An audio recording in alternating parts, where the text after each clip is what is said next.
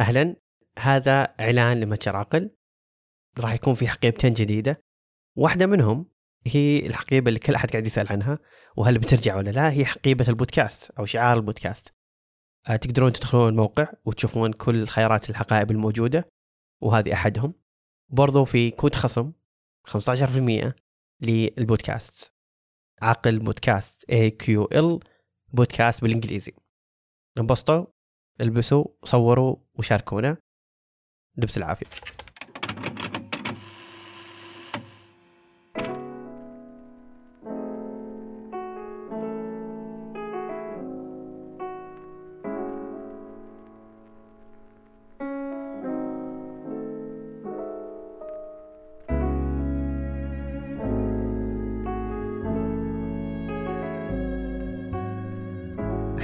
مخلوقات من قصص. أرواحنا مليانة قصص. وأرواحنا تحتاج مرة مرة مرة تتغذى بالقصص. يوم كنت في حرب الحالة واقف ضد جيوشك عادي. ما جست إسلامي في بالي راسي في عقل غير هادي. ريحة فكرة تقريبا أقرب للنوع الكادي. بين الأبيض والأسود نوعي بعيش رمادي واللم من الحضيض وضاقت كل أراضي الكوكب. بنهض لو قد ما طيح كبير ما موت ولكن أمرض. أصوات في راسي كثير بتعيد سوالف إني تالف. لو صار الكل بيخالف من في صيفي وقادر يبرد. ذا الكوكب مرة صغير ما بشيل حروفي. ضربات البرق سيوفي قطرات الغيم ضيوفي. لا يسندني واحد أنا تسندني بس كتوفي. وأسند معاي العالم ما بالشكر في معروفي. بحب النوم لأن النوم وحده يسوي سكيب. لو قلبي اختار كان سريري أولى له الحب. أنا جرع زدت درت الكوكب لين مكاني عدت. لأن قلت يا رب عمره ما خاب اللي قال يا رب. لكن عادي راسي في عقل غير هادي. عقل غير هادي عقل غير لكن عادي راسي في عقل غير غير راسي في عقل غير هادي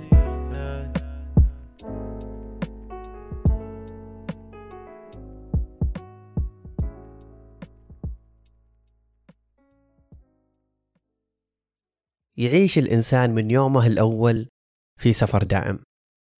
ولما نقول سفر مو بشرط نتكلم عن السفر الفيزيائي اللي ياخذ أجسادنا لمكان جديد. السفر بالنسبة لي هو أي حالة نفسية وجسدية تنقلها من النقطة ألف إلى النقطة باء. دنياك سفر عمرك سفر وظيفتك سفر سعيك سفر اكتئابك سفر ومرضك وعافيتك كرهك وحبك صفر Operating to Alpha. All passengers seating in Zone 1 kindly request to proceed to gate number A18B for boarding. Thank you and have a nice flight. نعيش اليوم أغلب حياتنا بين أربع جدران ننوم بين أربع جدران نقوم ونركب سيارتنا بين أربع شبابيك وننزل منها ونركض للمباني والدوامة هذه تنعاد لين ترجع لسريرك نهاية اليوم بين أربع جدران عيالنا ما صاروا اجتماعيين ولا يطلعون للشارع يكتشفون العالم بشكلها الحقيقي. وصرنا نكتفي بتعريفهم على أساسيات دنيانا بطريقة نظرية مو بالممارسة. وهذا خلق جيل ما يعرف يتعامل مع المشاكل الحياتية الحقيقية. الجيل هذا هو إنه بالمناسبة. بس بالمقابل جيل مثقف جدا بالقضايا لأننا منغمسين بالإفتراضية لدرجة إنعزالنا عن واقع حياتنا اللي مفروض نعيشه. جيل قادر يسافر وهو في مكانه. يطفو بالكون اللي يوسع كله بس هو نفسه مو بسايع نفسه. في هذه الحلقة من عقل غير هادئ بنتكلم عن السفر عن العمران عن فلسفة المدن الحديثة اللي صنعت مشاكل أخلاقية ونفسية وعضوية. عن لما ما قدرت أجسادنا تسافر بين ذا الجدران. فروحنا استمرت تهاجر من مكان للثاني على أمل أنها تحصل شيء يشبهها.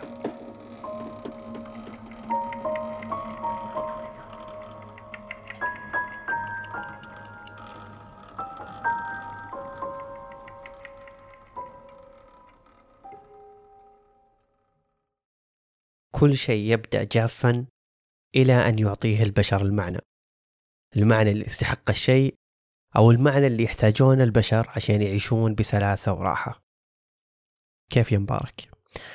في بداية الخلق كانت كل الأهداف مبتغاها هو العيش والبحث عن أفضل طريقة لكل شيء. أفضل طريقة للزراعة ورعاية الحيوانات والأكل أفضل طريقة للتحالف أفضل طريقة للبناء وأفضل طريقة للسفر.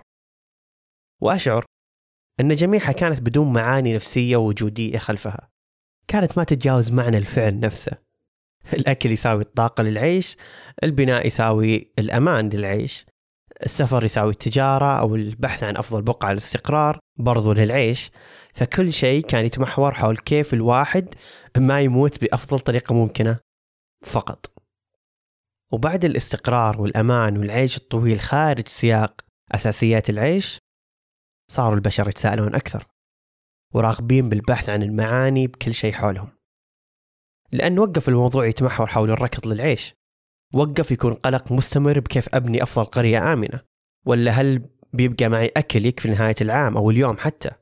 صار الموضوع أكثر راحة وطمأنينة. وفي الراحة والطمأنينة تجي التساؤلات والبحث عن المعاني في كل الأشياء. لأن صار في وقت للعمق والفلسفة. ودائما أقول الفلاسفة جو لأن كان عندهم وقت. الأكل صار له عمق فلسفي وثقافي لأننا فاضيين. المسكن اكتسب عمقه النفسي والمجتمعي الروحاني. ومن زاوية ثانية في كل فترة وفي كل عصر يكتسب السفر معنى جديد. من بعد السفر للبحث عن أفضل مناطق العيش وأفضل الأراضي اللي تناسب الزراعة أو التجارة صار السفر يأخذ معاني أكبر مثل الفضول في اكتشاف البشر والثقافات. فلما زار الفضول عقولنا تحول المصطلح من سفر لترحال. الاكتشاف للسياحة للتعلم والابتعاث وتبادل الثقافات. حاول البشر يطلعون من منطقة راحتهم ويعرفون وش خارج حدود محيطهم.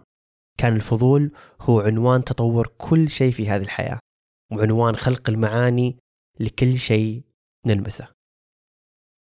يقال أن اليونانيين هم أول ناس خلوا عنوان سفرهم هو اكتشاف الثقافات أو السياحة بالمسمى الحديث. بدل السفر لأهداف واضحة وتميل للرسمية. كانوا يبحثون عن المتعة في الأماكن الجديدة اللي يزورونها. كانوا يؤمنون أن السفر هو أفضل أداة لاكتشاف الغير عبر فنهم عمارتهم الاستماع لأفكارهم ولغتهم وهذا اللي خلاهم يعرفون نفسهم أكثر. لأن التعمق بالإنسان الآخر المفترض يرجعك لنفسك ما ينفرك منها.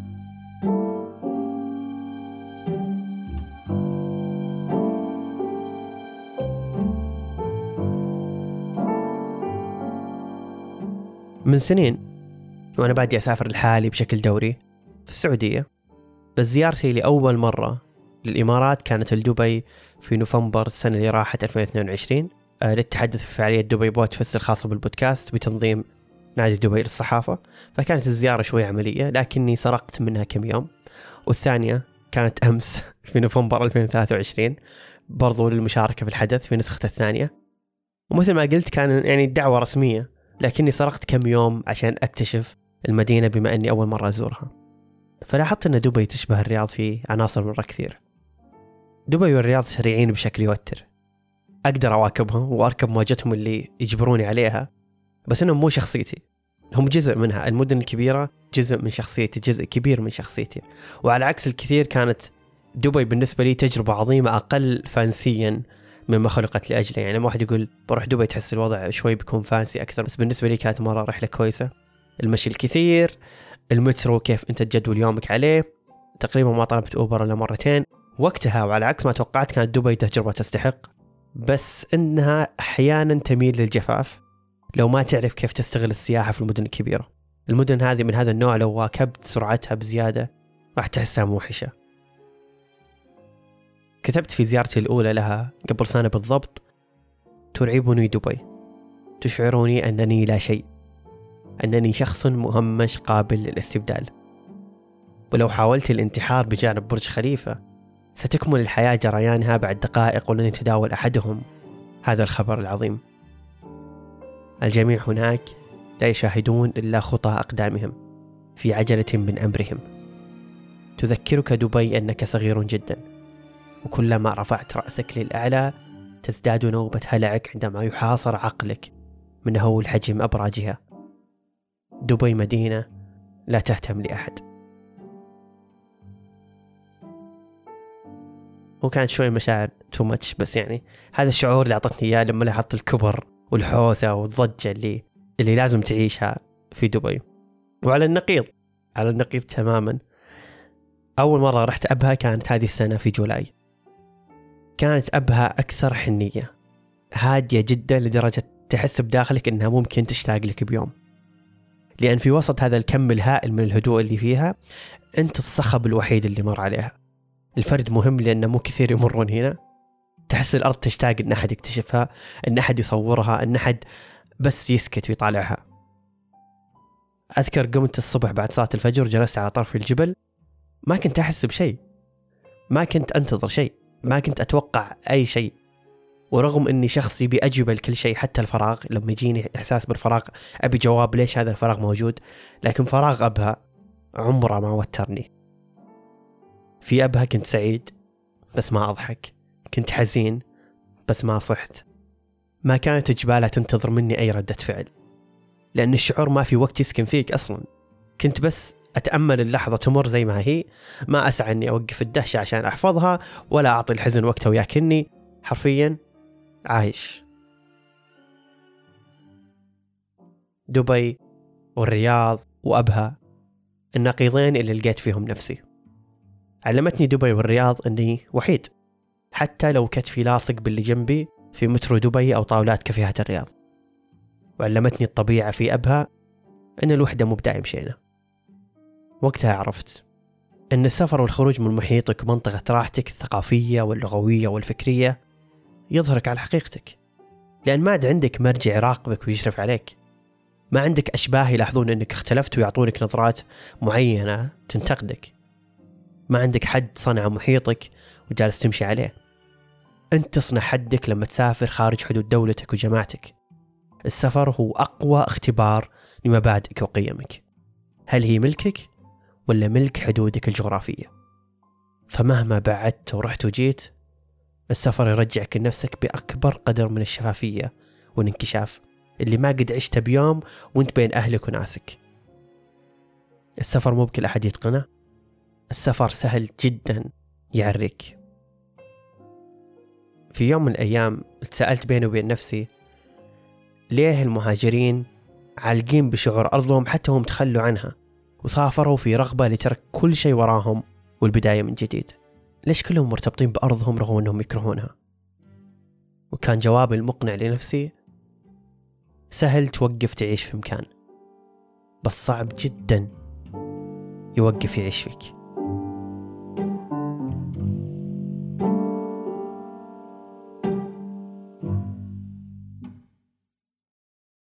صممت حياتنا بطريقة أكثر أمان من اللي نحتاجه أحيانا.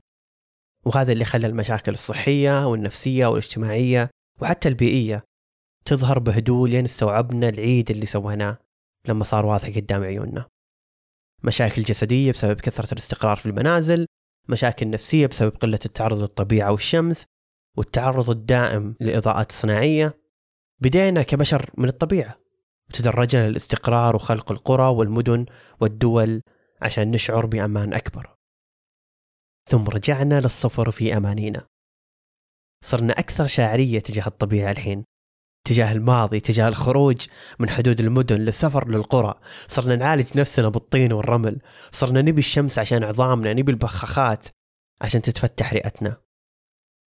كل هذا كان من هول الفراغ اللي خلق فينا التطور.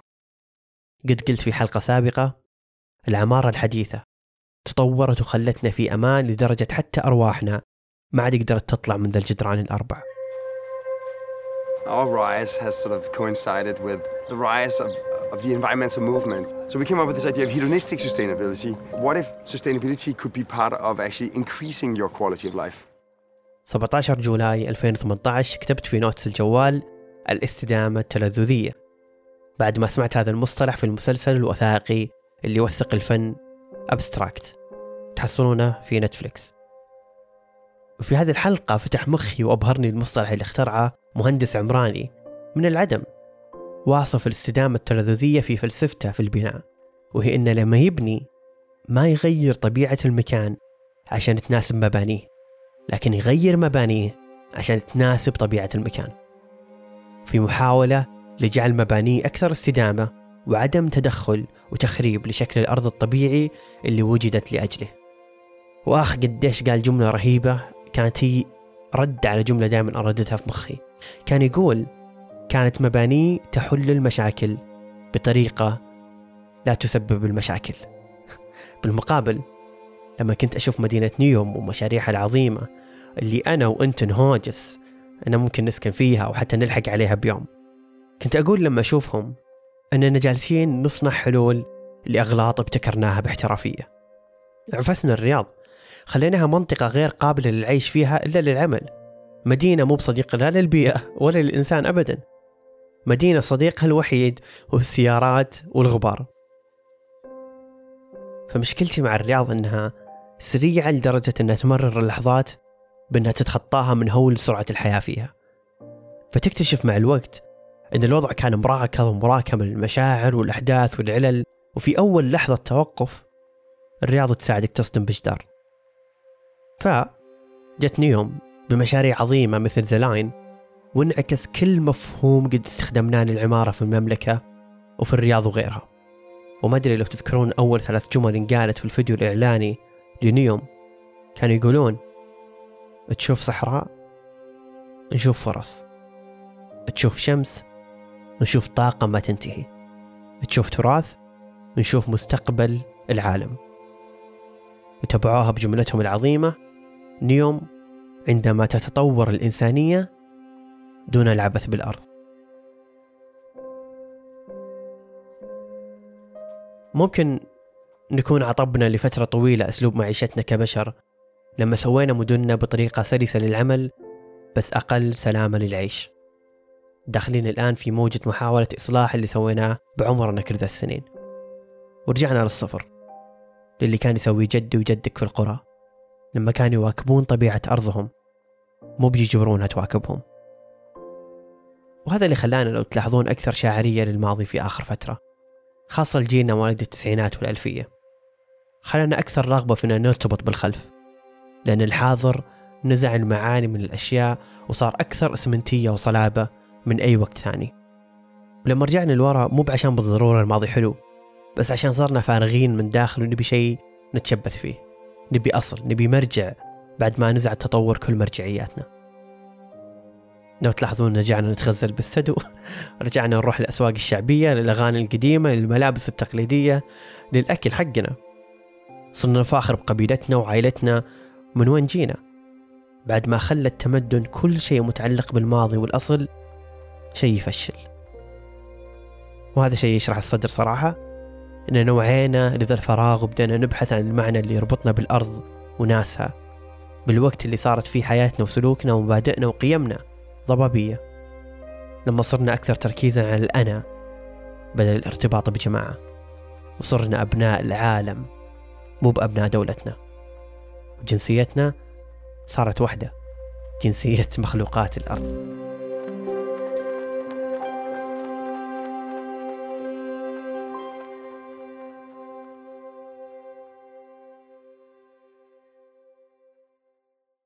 إن أكثر جيل استهلكنا السياحة الخارجية الثقافية وتجاهلنا فيها سياحتنا الداخلية. وقف شوي. لا مو باللي بمخك هذه مو بجملة من وزارة السياحة. مو بقاعد أتكلم عن سفرتك لفينيس أو الخرج. أتكلم عن استهلاكنا الكبير لثقافة الغير الخارجية وتعاطينا القليل جدا مع أنفسنا وثقافتنا الداخلية. اللغة الكتب الأفلام الموسيقى العلم وحتى السخافات والنكت. نتعاطى يوميا مئات الأشكال من المحتوى المترجم المقتبس من لغة للغتنا ونسينا الهدف الأساسي من الترجمة وهو الاستفادة وفهم الغير عشان نفهم أنفسنا. بس اللي صار إننا مو بس صرنا نقتبس أحرفهم وجملهم صرنا نقتبس ثقافاتهم شكلهم همومهم مشاكلهم. صرنا عبارة عن مخلوقات عايشين بين علامتين تنصيص ومعاد صياغتنا لين فقدنا معنانا. وهذه مشكلة عالمية مو متعلقة أبدا بدول العالم الثالث أو السعودية فقط. كل دول العالم جالسة تعاني وتمر في مرحلة تخوف فيما يخص الشباب وارتباطهم بثقافة غير ثقافتهم اللي يشوفونها كخة. لأن الكبير في لعبة تصدير الثقافة هو اللي يفوز بتشكيل شباب العالم كله مو بس شبابه. أمريكا أوروبا شرق آسيا وخاصة كوريا واليابان كلهم عرفوا كيف يخلون الكل يسافر لهم. بدون يجيهم. الكل ينتمي لهم وهو ما عاش معهم ولا عرف حقيقتهم. كان السفر هو التجربة اللي مليانة ملذة وفضول كبير عن شكل الحياة في الجهة الثانية من العالم. سواء للمتعة أو العلم ولا السياسة كان ولا زال الفضول هو المحرك الأول للنفس البشرية. والتقنية وقرب العالم من بعضها رقميا ساعدنا نسافر بالطريقة الأسهل. بس الأصعب من زاوية تعاطينا الطبيعي كبشر اللي مفترض نمتص الأشياء والتجارب الجديدة بهداوة بدل تنهان علينا بدون قدرة مننا على تحليلها وتصفيتها والتفريق بين الصالح والطالح منها. سافرنا لأمريكا وخذينا أحلامهم وقضاياهم ومشاكلهم لين نسينا مشاكلنا. سافرنا لأوروبا وأخذنا ذوقهم ولبسهم وطباعهم. سافرنا لكوريا وشكلتنا أغانيهم ومسلسلاتهم. سافرنا اليابان وانغمسنا بثقافتهم وفنونهم. سافرنا. لين نسينا كيف نرجع لأرضنا. صرنا رحالة افتراضيين. ما ندري من وين جينا وين بنروح وإيش اللي يوجهنا للطريق اللي نبغى نروح له. ما عاد صرنا نفرق بين مواكبة الثقافات وبين تقمصها. نكذب على بعض لو قلنا اتركوا جميع الثقافات وركزوا على ثقافتنا فقط.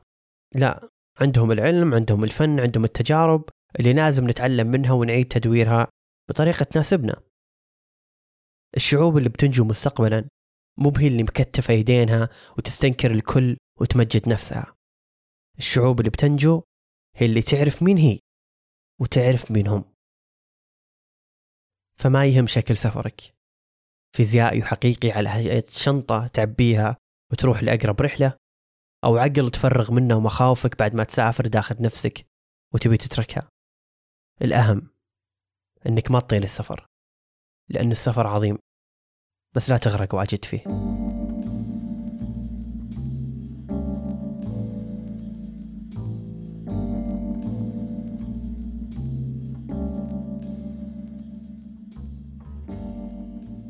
أنا ولد التشابه والتكرار مو بولد التجارب الجديدة.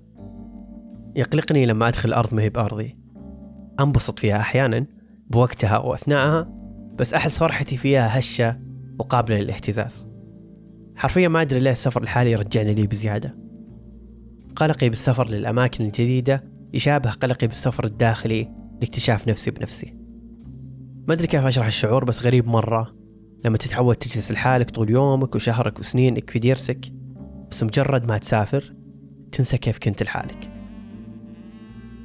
ما أدري يمكن هذا نفس الموضوع اللي قلت فيه قبل إن مهما بعدت ورحت وجيت السفر يرجعك لنفسك بأكبر قدر من الشفافية أو الانكشاف اللي ما قد عشته بيوم وأنت بين أهلك وناسك. السفر مو بكل أحد يتقنه، السفر سهل جدا يعريك. لا يعني إني بوقف أسافر، بس يبيلي أحرص جدا لوين ومتى وهل أحتاج ولا لا. لأن أحيانا يكون سفرتك صح بس وقتها غلط. وما أتكلم الحين ترى عن الفيزيائية حتى السفر لنفسك أحيانا يكون صح بس في وقت الغلط. فاختار الوقت المناسب للسفر. كانت تلفتني عبارة وين أرضك؟ كسؤال عن الحال ووضعك الحالي بذا الحياة. فما يقول لك الواحد كيف حالك أو أخبارك لا يقول وين أرضك. كأننا مستمرين بالركض والسفر الدائم من أرض للثانية وعمرنا مو مستقرين. دنياك صفر. عمرك صفر. وظيفتك صفر سعيك صفر اكتئابك صفر ومرضك وعافيتك كرهك وحبك صفر. تقول نجاة الصغيرة بلسان المنادات يا مسافر وحدك. ونكمل إن عليها بصيغة السؤال وين أرضك؟ أنا مبارك.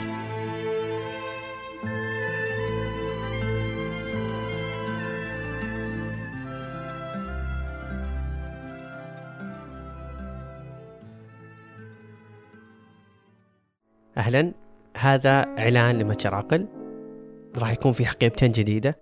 واحدة منهم هي الحقيبة اللي كل أحد قاعد يسأل عنها وهل بترجع ولا لا؟ هي حقيبة البودكاست أو شعار البودكاست.